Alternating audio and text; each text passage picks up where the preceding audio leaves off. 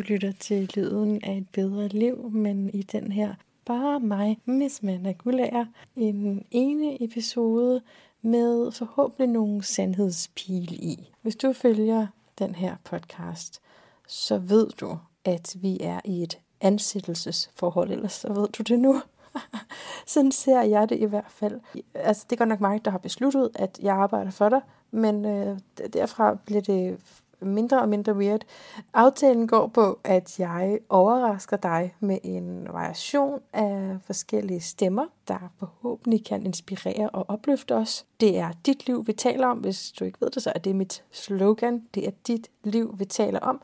Det liv, som du efterhånden ved rigtig meget om, hvordan du helst vil leve, og det liv, hvor du kan få totalt hukommelsestab øh, i forhold til, hvem du virkelig er og hvorfor du er her. Du bliver med andre ord opslugt af indholdet frem for at blive i forståelsen af din kontekst. Forståelsen af konteksten, det er netop det, jeg arbejder med som astrolog, og altså også, synes jeg, spørger meget ind til i, i de interviews, jeg laver, øh, konteksten, den filosofiske ramme for det, vi taler om det er jo menneskeligt at blive opslugt af indholdet. Ikke? Vi er mennesker, altså separate væsener, der maler med hver vores pensel, hver vores udvikling, og især hver vores ikke erkendte drifter. Men der er også det her menneske i os, der igen og igen formår at åbne sig for en mere intelligent kraft og for øh, paradoxale perspektiver, for eksempel om, hvordan vi alle sammen indeholder det, vi ser i andre. Uh, mit nye, er det faktisk ikke et nyt yndlingsord, projektioner. Det er faktisk pinligt så gammelt. Det er, altså, jeg var, jeg ved ikke, jeg tror, hvad, 18, 17 eller sådan, virkelig tidligt, at jeg hørte ordet projektion, og der vidste jeg, at det havde alt med mig at gøre. Det vidste jeg før, at jeg overhovedet fik forklaret det. Jeg vidste bare, at det der projektion, det er noget med mig. Fordi det, det, jeg kunne mærke, jeg kunne mærke det ord. Og det er stadigvæk et, som øh, tager fusen på mig. Så det er her, vi taler om nye idéer om universet. Vi taler ind i psykologien og i kunsten. Og nogle gange også øh, socialt udsatte nyheder. Jeg er jo interesseret i alt muligt. Og når jeg siger, at det er dit liv, vi taler om, så er det fordi, det liv, hvor du har det på en måde, det, det er også en del af min livsoplevelse. Vi lever i kæder, i forlængelser af hinanden. Har du nogensinde prøvet at have en høj standard for dig selv, og så ligesom have det sådan med andre, at jamen, altså, de må gerne, men, men det, jeg vil virkelig komme til at kritisere mig selv meget, hvis jeg gjorde det ret ofte blevet sagt i den her podcast, at det med hans liv, prøv at forestille dig, at du er din egen bedste ven.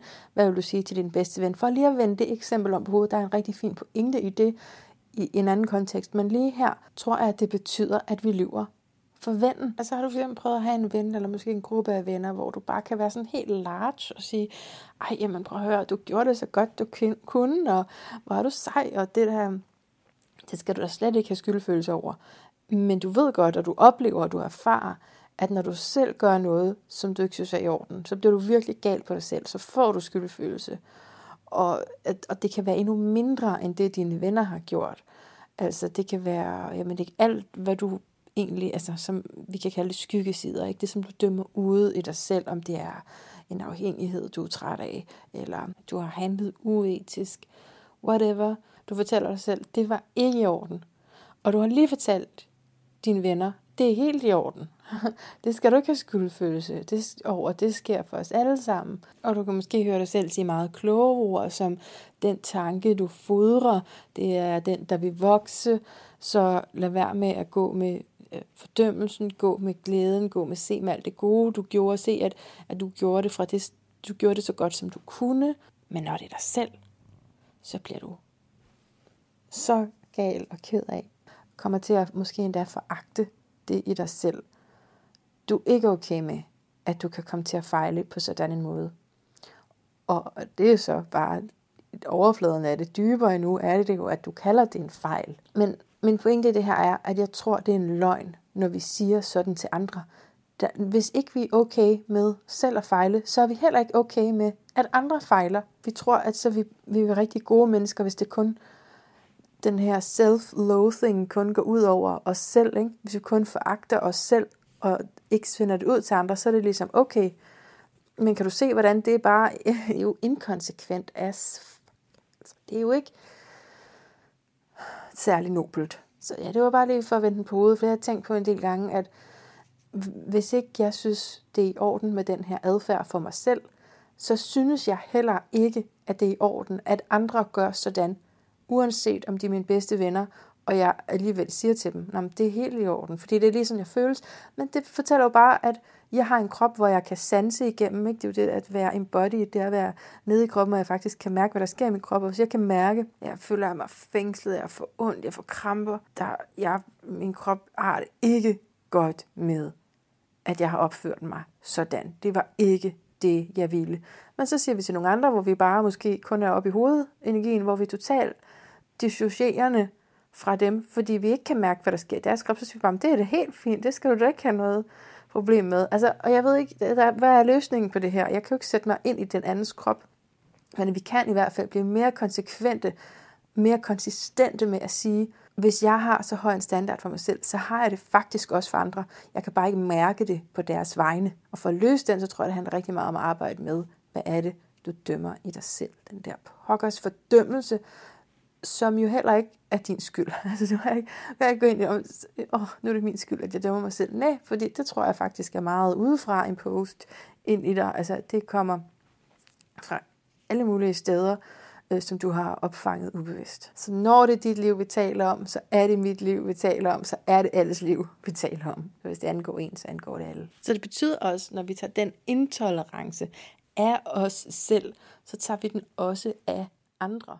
Der er rigtig mange af jer, der har ragt ud og sagt alt muligt ind i min situation, og det er derfor, jeg lige laver den her ene tale, selvom jeg ikke har en eller anden stor øh, finale konklusion at, at komme frem til, men jeg vil gerne fortælle lidt om, hvad der er sket, og både for at svare på alle dem, der har skrevet, hvilket jeg ikke, jeg har ikke haft overskud simpelthen til at skrive, og det er faktisk ikke engang rigtigt, det er ikke bare, at jeg ikke har haft overskud, det er faktisk helt generelt, så værdsætter jeg alt, hvad der kommer. Altså, skriv endelig, så, og, og jeg vil svare på astrologiske ting, hvis, hvis du er en klient, øh, fordi det kan, der kan gå rigtig meget tid med at svare på, på, på alle mulige andre spørgsmål. Så. Men hvis du skriver om noget, jeg har sagt her i podcasten, om mit privatliv, ikke noget, jeg kan bruge tid på at øh, involvere mig i, i en udveksling på den måde. Og det skal du vide, at det er ikke, fordi jeg ikke anerkender venligheden, det er det samme, hvis du tagger mig i et opslag under en bolig eller et eller andet. Så det er ikke sikkert, at jeg lige reagerer på det. Det skal du ikke. Det er bare fordi, at der, der er efterhånden mange på min, i min lille inbox. Og lige, ja, det kan, jeg kan ikke svinge mig op til det. Jeg kan ikke svinge mig op til at fortælle alle mulige om, hvad jeg står i, fordi det er, så måske, jeg håber, at jeg kan opklare nogle ting her, selvom at jeg også ved, at jeg ikke kan tale fuldstændig frit. Jeg har også blevet opmærksom på, at min offentlighed har grænser. Jeg kan ikke lide det, men det er jo så et tegn på, at jeg også endelig har fået øh, faktisk en flok, der lytter med på min udgivelse, og mange tak for det. Men altså, øh, det at jeg kan få beskeder fra alle mulige om, at de ikke vil nævnes i min podcast. Det giver mig en form for censur i forhold til, hvad jeg kan sige. Og jeg ved ikke, hvordan det er med juraen, det har jeg slet ikke undersøgt. Jeg er også ligeglad. Øh, det er rent etisk. Øh, altså, jeg ville ikke være ligeglad, hvis jeg havde tænkt mig at, at sige noget om det, så skulle jeg da nok undersøge det, men rent etisk vil jeg naturligvis ikke omtale nogen, der udtrykkeligt har øh, frabedt sig det. øh, men altså, det gør så, at jeg ikke øh, kan fortælle dig alt, og det er er også nok mest hensigtsmæssigt, at det er sådan. Men alt har det med at komme ud af mig. Fordi det, jeg udtrykker, det er mit liv. Det er de ting, jeg går igennem. Så vil det bare være i, i form af min poesibreve, som jeg skriver i MailChimp. Du kan tilmelde dig, hvis du har lyst. Men du skal virkelig have lyst. Fordi de kan godt være ret private. Men altså, det, som jeg står i, og som jeg taler om, hvis ikke du har set det, så er det, fordi jeg har skrevet et opslag på Facebook for nogle uger siden efterhånden. Og jeg tror også, jeg omtaler, jeg fortæller det i hvert fald lige i den der episode med Lukas Sofia, øh, hvor jeg var helt øh, balleret, og jeg blev endnu mere balleret af vores tekniske issues. Men jeg fik da lige nævnt, hey, hvordan manifesterer man det i et hjem? Og der, hun sagde jo noget meget klogt, ikke, med at i den her tanke med, at vi skaber vores eget liv, så har, er der noget ubevidst i mig, der har villet det. Ikke? Altså, der er noget, som har ville prøve, hvordan det var, eller som har syntes, at det var mest trygt. Og det øh, synes mit bevidste selv bestemt ikke. Men altså, så historien er helt kort, at jeg er blevet opsagt af en udlejer, hvis du hører det. Jeg tror, den hedder noget i retning af mirakler og svampe, eller sådan noget. Min forrige ene tale i hvert fald. Der fortæller jeg om, hvor lykkelig jeg er for at have fået et værelse, og det var jeg også. Ikke? Men så kom nedlukningen, og så begyndte det at blive... Ja, der begyndte at være en masse støj øh, på forskellige lederkanter, og det gjorde, at jeg blandt andet, at jeg ikke kunne sove. Der var flere ting i det, men blandt andet, at jeg ikke kunne sove. Og i nat, hvor jeg ikke kunne sove og var frustreret over noget støj, og min udlejer, jeg sådan, hvor der var to værelser, og min udlejer boede på det ene værelse. Altså, det skal man lige have med i mente, at det er ikke sådan en udlejer, som boede langt væk, og så, altså, det var ligesom ret tæt, vi boede, ikke? Øh, så kom jeg til at skrive til ham. Ja, fordi han var faktisk ikke engang hjemme, så det var lige den her gang, hvor det ikke hans skyld. og det var overhovedet ikke hans skyld. Nogle af gangene jo altså, slet ikke, fordi jeg sover bare virkelig, virkelig dårligt. Altså jeg, sover, jeg synes ikke, jeg sover dårligt, jeg sover da godt, men jeg, jeg er meget sensitiv. så der skal det mindste til for at vække mig, og så kan jeg måske bare være vågen resten af natten. Ikke? det er på den måde der. Men så skrev jeg i en sms til ham der om natten, at jeg overvejede at søge andre steder hen på grund af den her støj. Og da jeg så kom op næste morgen, kunne jeg ikke engang. Jeg kunne godt huske, at jeg havde skrevet den, og jeg var der mega... Altså, det var ikke første nat, jeg har været frustreret i flere uger med ikke at have fået min øh, nattesøvn, og alligevel ligesom skulle præstere øh, hver dag, ikke? Så, så det var, var sindssygt hårdt. Men så jeg kunne godt huske, at jeg havde, havde skrevet det, jeg var frustreret over, men jeg kunne ikke huske, hvor specifikt, at jeg kunne faktisk ikke huske det der med, at jeg havde skrevet, at jeg ville søge andre steder hen. Fordi det er jo så sådan en, der har sat sig fast i min øh, sådan fortrydelsesdel af hjernen, ikke? Efter det følgende udspillede sig som var, at vi talte sammen øh, næste morgen. Jamen, nu vil jeg, jeg vil til sommerhus, og ligesom tænke over det, så ville jeg komme ro på, at jeg ville sove. Og han sagde, ja, men han vil rigtig gerne have, at jeg blev der. Og så havde jeg faktisk øh, ro på, og, og begyndte at tænke i nogle, tænke i nogle løsninger. Altså, hvad kunne jeg gøre? Et eller andet høreværn? Eller, altså, det var sådan noget, jeg tænkte på. Men dagen efter den dag, hvor vi lige havde talt sammen, der skriver han, altså jeg er i sommerhus, der skriver han så, at øh, han opsiger mig, fordi han er bange for, at jeg selv vil sige kontrakten op. Og så på den måde, jeg kan ikke bare blame, altså det kan man generelt ikke, vel, hold dig fra at blame, men her der bliver det bare så tydeligt, at det er et resultat af min egen handling, ikke? Altså det er sådan ret hurtigt karma i virkeligheden. Det er en gammel form for karma, nu skal jeg ikke blande det sammen, men du ved, den her, du, du får hvad du har sendt ud, ikke? Hvil, altså det har jeg lige brug for at sige. Det er ikke den form for karma, jeg normalt taler om i forbindelse med astrologi. Så det, ja. Men altså, jeg blev rystet i min grundvold. Det gør jeg godt nok. Altså, så, man har jo så to måneder, fordi jeg havde fået betalt to måneder. Altså ja, det sidste, jeg vil, det er at bo sammen med en, der ikke vil have mig der. Øh, så der blev jeg lidt personligt, og altså, jeg vores forhold var generelt, øh, havde lidt vige grænser, hvilket var fint for ham, hvilket måske ikke var lige så helt fint for mig. Så det endte bare rigtig, rigtig skidt, og jeg fik lov at mærke mit menneske. altså, altså, så vi kan, vi kan være så vidende og kloge, ikke? men så er der også det her menneske, som øh, reagerer. Men altså, efterfølgende har jeg gjort en masse soul searching. Det har egentlig båret gråd, gråd, gråd, gråd. Og nu står jeg så og skal finde noget igen. og der er ligesom den praktiske realitet, og så er der det følelsesmæssige, halløj, jeg er gået igennem i kraft af den her situation med, at hurtigt skulle være ude, og også vide, altså på en meget tydelig måde vide, hvor stor en del af ansvaret jeg faktisk har for, hvad der er sket. Det var både mig, der sendte den sms, hvilket gjorde min udlejer bange, hvilket fik ham til at sige mig op. Og jeg valgte selv at sige, vi cutter bare lige her, når jeg kommer hjem på det sommerhus, så flytter jeg mine ting, frem for at have taget de to måneder, jeg jo kunne. Altså, så han har ikke været urimelig på den måde. Det, det er jo mit eget. Ikke? Men og det må jeg så tage ansvar for, og jeg føler, selvom at det har været vanvittigt hårdt at face hjemløshed igen igen, så der er en ting, der er værre end ikke at have et fysisk hjem, og det er at have et fysisk hjem, som, øh, hvor jeg ikke kan være, og det er jo så den her forvandlede fiskeenergi, og det er faktisk det samme, hvis du er skorpion eller krebs. Altså, det er så sensitivt, og du er så påvirket af, hvad emotionerne omkring dig, og ja, så kan man tale om, at det er en flugt, og jeg burde have blevet, og tage konflikten, eller et eller andet, men jeg synes bare, øh, det er jo noget, jeg ville gerne gå igennem det, hvis vi skulle bo sammen fortsat. Men når det ligesom, jeg ligesom er blevet opsagt, øh, what's the point? Altså, ikke? Så er det sådan, Nå ja, lad os være venner den sidste tid, men jeg vil inderst inden gå og være rimelig bitter over det, tror jeg, hele tiden. Så vil jeg hellere væk fra situationen, rense mig selv, forstå mig med det, give slip på det, og så move on. Jeg kan sagtens føle, at jeg bare er sådan en umulig at have til at bo noget sted, fordi jeg kan ikke med støj, jeg kan ikke, hvis der er nogen, der er for tæt på mig. Jeg kan ikke, og jeg har også noget med grænser, ikke? Og det er også det, der lige gik galt. Hvor kan jeg være henne i den proces, jeg nu er i? Jeg er nødt til at se lys på det. Jeg ved, det ikke er sådan. Det er kun, når jeg lige har sådan nogle uh, ked af det stunder. Jeg er nødt til at se sådan her på det, at det ideelle hjem venter på mig, og det vil gerne have mig, og det kalder på mig, og jeg er, jeg er der lige om øjeblik.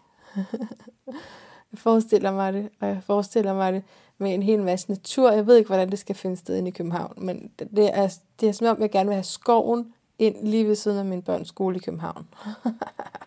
det er sådan noget i den stil, jeg drømmer om. Så det var lige lidt et tilbageslag, hvilket passer så fint med i år, hvor der har været rigtig mange tilbageslag for os alle sammen, ikke? men også nu her med alle de retrograde bevægelser, så er der noget, der lige skal genbesøges og muligvis gøres om.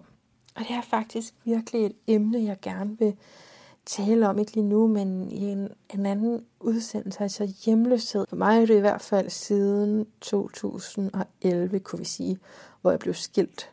Hvis I før det, der flyttede vi også lidt rundt, men der er det noget andet, der var vi ligesom sammen om, og så klare det økonomisk. Men efter der 2011, hvor jeg blev skilt, der har, det, har jeg boet i alle mulige midlertidige ting. Og så siden 2013 har jeg så været den, der flyttede, flyttede uden mine børn. Ikke? Nå, altså, så har jeg jo så boet nogle af årene sammen med deres far i, i en lejlighed, uden vi var sammen.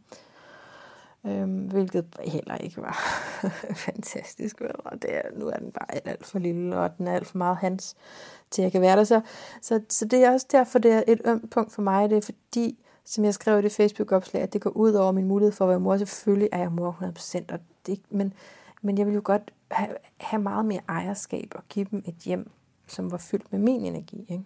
Og her det sidste sted boede min datter så øh, meget af tiden ved mig, altså på, sammen, på det værelse. Jeg lejede jo bitterligt bare et værelse, og det værelse på hun så også på, og min søn kom i weekender, så det var jo ikke holdbart alligevel. Prøv at høre, det var også det, jeg lige skal huske, når jeg fortæller historien. Det var overhovedet ikke holdbart alligevel. Men det var bare sådan en chok i systemet, ikke? at øh, lige pludselig så bor jeg der ikke længere fra den ene dag til den anden, og min datter græd og græd og græd og græd. Altså, jeg har virkelig været ulykkelig over at have mistet det hjem. Det er også fordi, det er ikke første gang, jeg udsætter hende for at have mistet et hjem. Der er også lige stedet, jeg boede før det. Det er jo ikke det, man ønsker vel? at skabe for sig selv eller sine børn. Så jeg har det egentlig sådan, at nu vil jeg gøre alt, og det har jeg haft før, vil jeg godt lov at sige. Det er ikke sådan, at det første klimaks er kommet her. Jeg tror, det, det har pigget flere gange. at jeg vil virkelig gøre alt. For at jeg kan bo i et dejligt hjem på en måde, altså hvor jeg ikke er, er langt væk fra deres skole for eksempel. For sådan noget, altså, jeg vil gerne bo i Tisted. Rigtig gerne. Men det, hvordan i alverden skal jeg køre med i skole? Ikke? Når, når de er så knyttet til en skole i København. Men selvom jeg vil gøre alt, ikke? Så er det faktisk umuligt for mig at bruge mine kreative evner til det mål. Altså alt det, jeg laver, det er en kunst, og jeg kan ikke tænke penge ind i det. Jeg vil gerne have penge for det, og der er nødt til at være en pris på det, og jeg tager den pris, jeg synes er rimelig. Men jeg kan ikke sætte mig ned og tænke, nå, hvad kan jeg nu sælge for at få til den og den husleje? What? Altså det hænger slet ikke sammen for mig. Altså med yogaen, jeg startede med, gælder det, og nu med astrologien. Jeg kan ikke tvinge noget igennem, øh, fordi nu vil jeg gerne have flere penge. Altså, det, det, jeg mister fuldstændig motivationen, gnisten, den kreative nerve, hvis jeg skal overveje indtægt på den måde, ud af de ting. Altså, fordi det, jeg laver, det er så lystbaseret, som det kan være.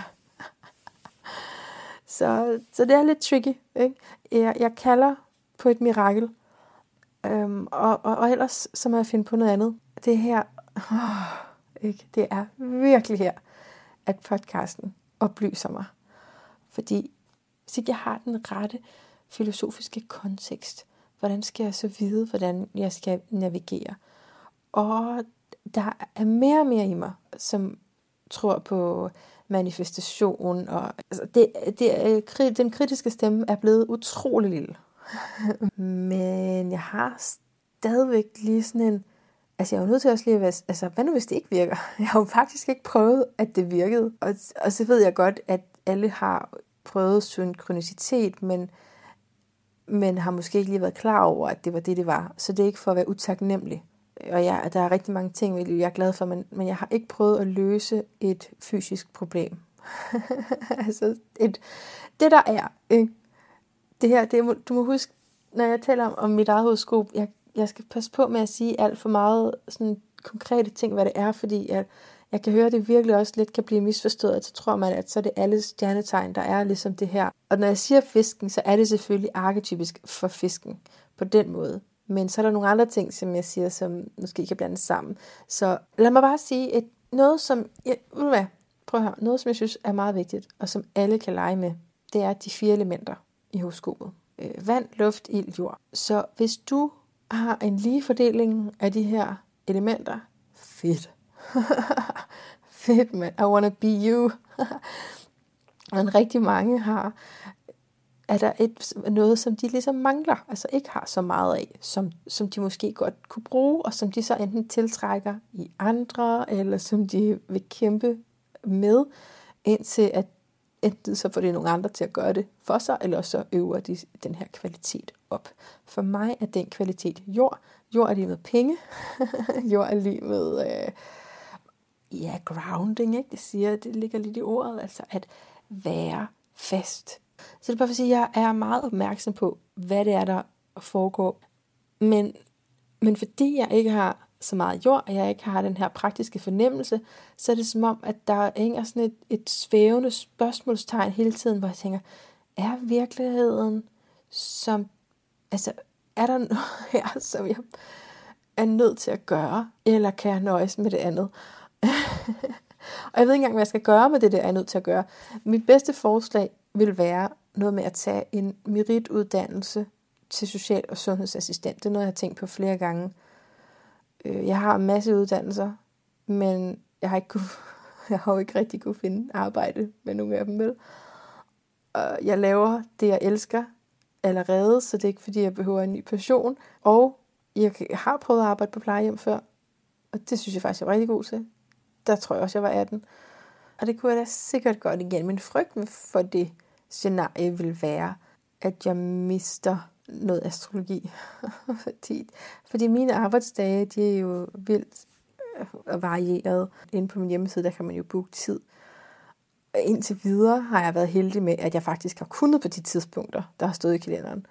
Men det vil simpelthen være en alt for uoverskuelig jordopgave, apropos at skulle sidde og plotte alt det ud, hvor jeg ikke kan. Jeg vil også sige i forbindelse med det, altså det går faktisk glimrende med klienter. Altså det er ikke fordi, jeg på den måde jeg sidder ikke og triller tommelfinger, vel? Jeg har faktisk øh, rigeligt på min tallerken. Øh, det er bare sådan, at hver session kræver ret meget forberedelse, så det vil ikke give mening for mig at have så mange flere klienter i, og derfor har det nogle grænser, det her astrologi, for hvor meget jeg potentielt kan tjene, plus at det er bare fordi, det er svimlende dyrt at bo i København. Altså, så det er jo ikke på den måde, så tænker jeg bare sådan social- og sundhedsassistentløn. Jeg kunne læse, at jeg tror, det var, jeg ved ikke, om det var under praktikken, eller når de er færdige, så får de 18.000 i måneden, altså før skat. Det er altid det pokkers der med skat, det kan jeg ikke regne ud.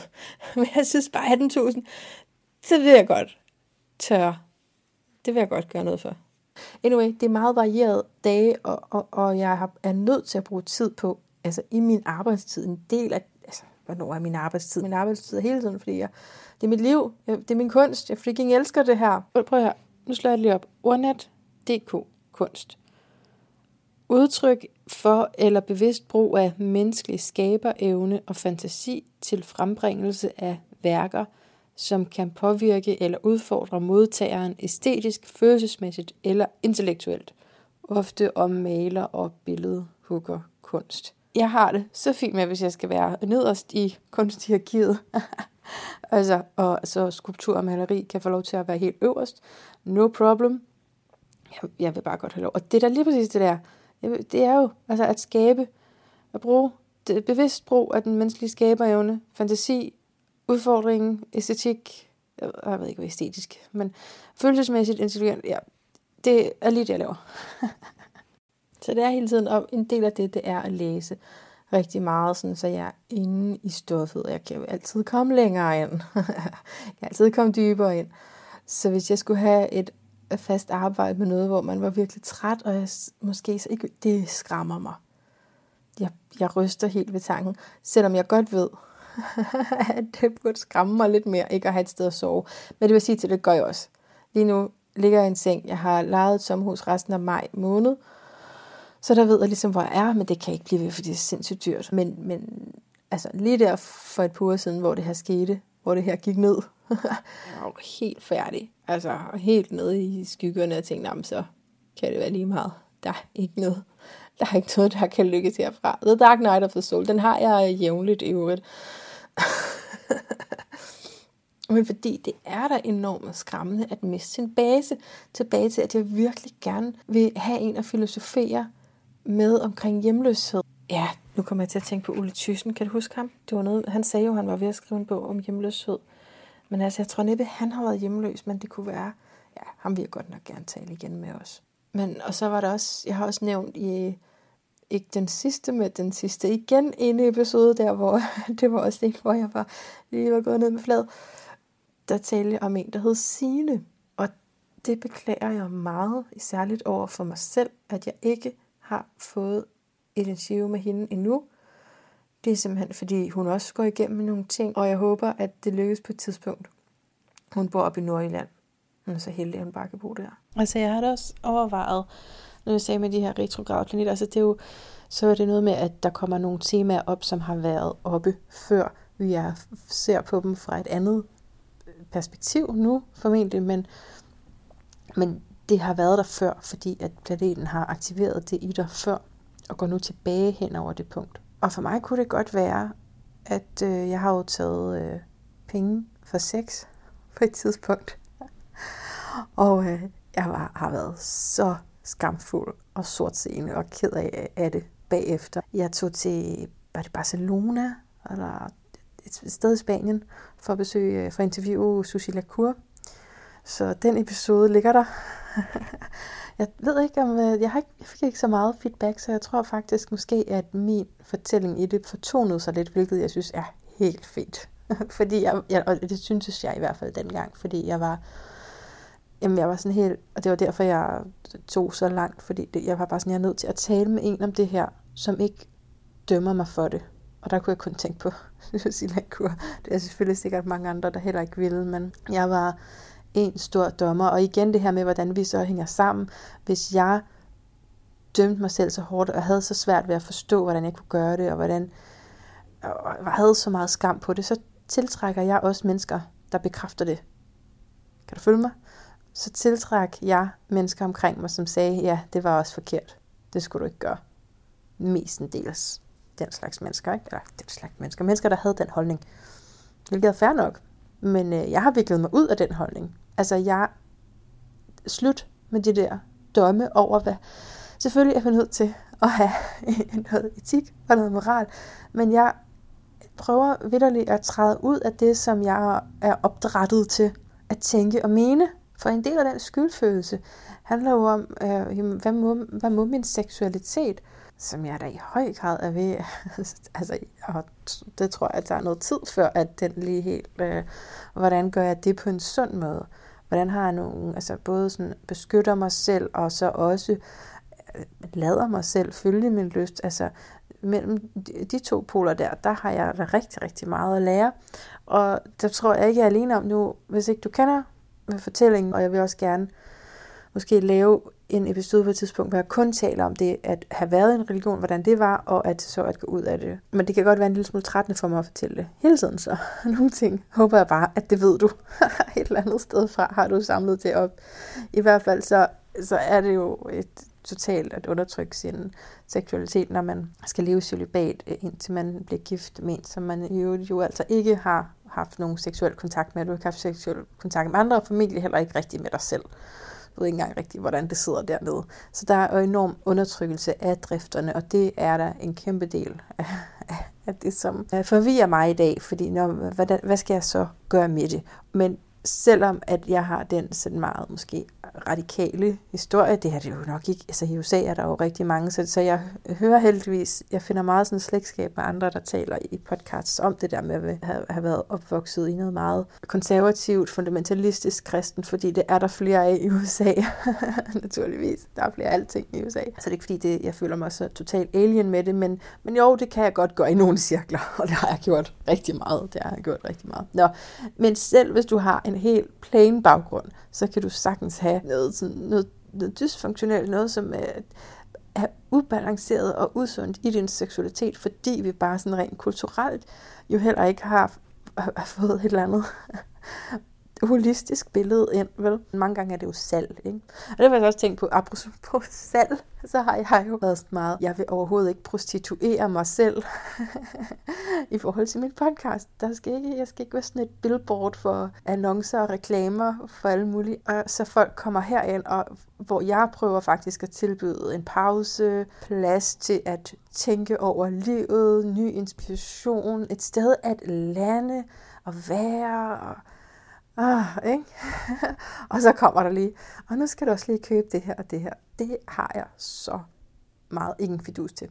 Og så kan det selvfølgelig lyde en lille smule sjovt, at jeg så har det fint nok med at øh, have sex for penge.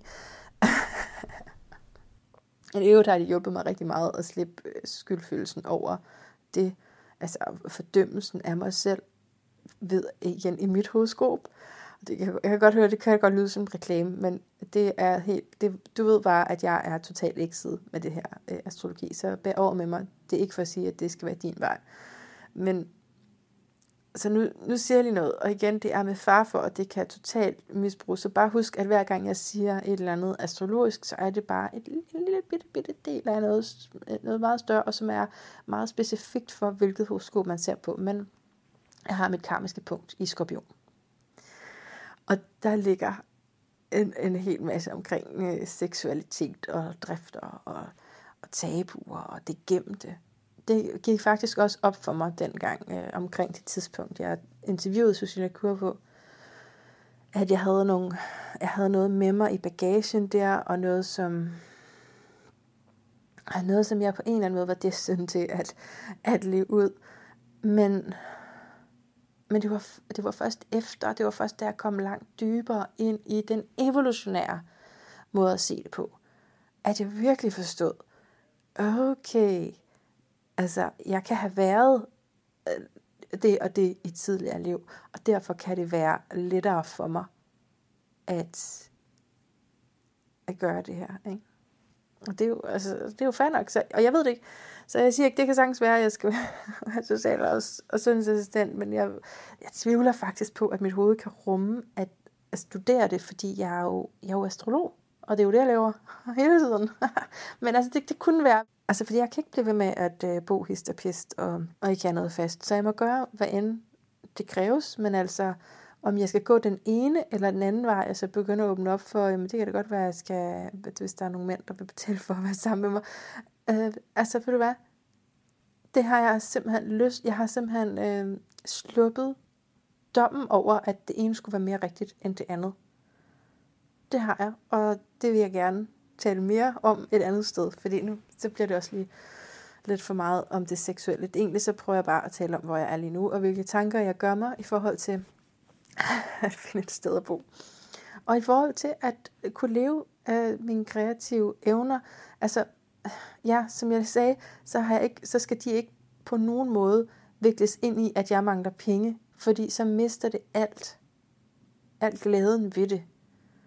Så jeg vil så naturligvis gerne leve af at være astrolog. Men, men der er et godt stykke vej derhen, og jeg er nødt til at se på, okay, jamen, hvor, hvad skal jeg så bo i?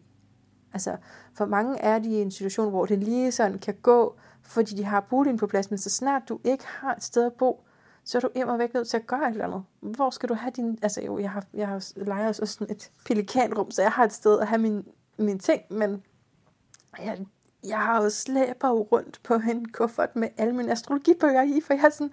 Altså, jeg har underbukser, to sæt tøj, og så, jamen, jeg kan slet ikke tælle til alle de astrologibøger. Den kæmpe rullekuffert der har jeg bare fyldt med, med astrologibøger, og så mit lydudstyr og min computer det er det, som jeg går rundt med. Ikke? Som, altså nu er jeg så i sommerhuset, men tit så skal jeg jo noget ind i København. Og, men jeg satser på at finde noget på 1. juni, men, men du ved, det er bare, situationen kalder på, du er nødt til at gøre et eller andet nyt, noget andet. Eller øh, det, jeg ved ikke, hvor nyt det skal være, fordi som sagt, retrograd, det er typisk være nogle tanker, vi har haft før, noget vi har eksperimenteret med før. Jeg tror bare langt hen ad vejen er problemet i vores hverdag, at vi dømmer os selv. Så, så derfor prøver jeg egentlig at afdramatisere alting, at aftabuisere og gøre det så simpelt som muligt. Du gør, hvad du skal gøre, og du gør naturligvis ikke noget, som du kan mærke i dit hjerte eller i din krop, at du ikke skal. Men hvis du ikke mærker noget i din krop eller i dit hjerte, at det siger, at det skal du ikke, jamen, og du stadigvæk har en eller anden total sort sky af samvittighed over dig, så kunne det være, fordi du var programmeret til for eksempel at undertrykke din seksualitet, eller det her må du ikke være, eller det her det bliver du straffet for. Jeg vil sige, jeg har fået rigtig mange beskeder i forhold til det her med min hjemløse situation. Jeg har rigtig mange beskeder på Instagram, Messenger, mails, sms faktisk også. Og med alle mulige forskellige. Altså lige fra om jeg troede, jeg skulle måske på noget ADHD-medicin til samtlige, som skriver, at de synes, jeg skal tage fat i kommunen. Og jeg har meget tidligt i min historie fundet ud af, at vi har ikke det sociale sikkerhedsnet i Danmark, som mange tror, vi har. Det har altså nu er jeg socialrådgiver, ikke? så jeg er også farvet af det. Men jeg ved, at det, det er simpelthen ikke tilfældet, at hvis du har det dårligt, og du ikke kan finde sted at bo i Københavnsområdet, og du også du har børn, at så kan du få noget hjælp. Altså, nej, der skal virkelig, virkelig, virkelig meget til. Altså, du skal være så dårligt stillet, at du skal ligge og rulle rundt i gaderne, og så andre tripper over dig, og derfor er kommunen nødt til at sende nogen ud, der kan løfte dig væk fra at rulle ned ad gaden. Okay, nu har vi ikke så mange bakker i Danmark, men... og altså, selvfølgelig, nu er jeg meget kategorisk, selvfølgelig er der mange, der er blevet hjulpet, og måske du, der lytter med, at blive hjulpet af kommunen, så det er ikke for at være harsh på den måde, men jeg har fundet mig selv i at falde ned imellem de stole, der nu var, imellem de, de tilbud, der nu var, øh, altid som en, der, der ikke blev betragtet som en, der havde brug for hjælp. Og det, jeg har heller ikke lyst til det. Der er jo ikke rigtig nogen, der har lyst til den der kommunehjælp, men jeg kan da godt se, at der er et eller andet sted undervejs, der skulle jeg nok have tænkt noget mere strategisk i forhold til, øh, hvis, man, hvis jeg havde kunne få et eller andet på et eller andet tidspunkt. Ikke? Fordi når man står helt uden øh, netværk og familiestøtte og altså alt, og, og børn, man gerne vil være sammen med, når du så oven i købet også er kunstner. Altså prøv at høre. Jeg bor i min kunst, ikke? Og I don't care anymore. Det er freaking kunst, alt det, jeg laver. Astrologi, interviews, yoga. Altså, det er jo simpelthen så artistisk, som det kan blive. Okay, jeg lavede lige min første PowerPoint forleden, og lagde på YouTube. Og værsgo at gå ind og kigge, men altså, lyden blev så dårlig, og jeg havde ikke øvet mig på det, jeg havde skrevet ned, fordi jeg havde bare brugt så lang tid på at kæmpe med en PowerPoint, som var altså tæt på min første gang, jeg nogensinde brugte et program. Og så tænkte jeg bare, okay, whatever, og optog det, og så lagde jeg det ud. Det er ikke for at dishe mit eget værk, og, og at sige, at nu er det så ikke kunst, eller det er bare for at sige, det er ikke Altså, at jeg siger, at jeg er den her øh, kreative skaber, det betyder ikke, at alt, øh, jeg laver lige godt. Øh, jeg skaber også noget, som... hvor, jamen, det er jo det. Så skulle jeg lige have haft en mikrofon, der passede til computeren. Eller, altså, der er mange ting, der går galt, men jeg føler faktisk, at det, altså, det er en del af min måde at lave kunst på. Det er egentlig at turde være ret eksperimenterende og sende noget ud, som måske, måske ikke falder i god jord, men så har jeg også prøvet det, og så har det gjort mig klogere, og så kan det være, at, at det eventually leder til øh, noget helt vildt triumferende godt. ja, det kunne være. ja, som jeg advarede dig om, så har jeg ikke en stor finale eller sådan resultatet, og så skete der det her. Det passer så fint med at leve i en uforudsigelig tid. Men øh, jeg ved også, at jeg er nødt til at jeg kan ikke bare sige, at det er nogle kræfter uden for mig, og jeg skal ligesom bare være hjemme. Det er ikke det, der er min situation. Min situation er at finde sted at være. Ja, men jeg vil efterlade det her. Jeg skal tilbage til mit astronomikursus. Det er forfærdeligt at signe mig op til det lige nu. Det er simpelthen så utroligt kedeligt, men jeg er nødt til at lære det. Det er jo alt det tekniske. Du ved, der er astronomi, og der er astrologi. Astronomi, som er de helt fysiske bevægelser i himmelrummet, og astrologi, som er den mening, vi tillægger det som astrologer. Men det minder mig virkelig om, da jeg var yogalærer, eller prøv at høre, jeg er jo stadigvæk yogalærer, please book mig. I den tid, hvor jeg underviste yoga fuldtid, gik jeg på sådan et øh, anatomikursus. Anatomi, astronomi. Kan du høre, hvor det minder om hinanden? Og det er lige forfærdeligt, det er så kedeligt. Ej, jeg synes, astronomi er bedre. Jeg er mere motiveret, tror jeg, for at forstå astronomien, fordi jeg vil så gerne jeg vil så gerne kunne convey det her til folk, som spørger. Jamen, det minder om hinanden, ikke? fordi det er jo det tekniske form for healingsarbejde, så du kan være optaget af astrologi og så være mega god til alt det tekniske i astronomien. Også på samme måde kan du også være yogalærer, så være mega hardcore til de her anatomiske ting, og hvor det hele sidder, og hvad, hvad der virker for hvad. Og, øh, eller også så kan du, ligesom mig, virkelig kun være optaget af effekten af ting. Altså, jeg er ikke optaget rigtigt. Ikke oprigtigt er jeg ikke optaget af det tekniske i, hvorfor, at, altså, hvorfor virker den her stilling. Og jeg ville nok være det, hvis ikke det var så kompliceret for min hjerne at forstå. Jeg tror gerne, jeg vil. Jeg opfanger det ikke, jeg tuner ud. Jeg er lynhurtig et helt andet sted hen. Og det er, ja. Så det var mig her nu. Tak fordi du lyttede med. Jeg synes, det var lidt for langt at at lægge den her besked i en outro, så derfor fik den lige sit eget nummer.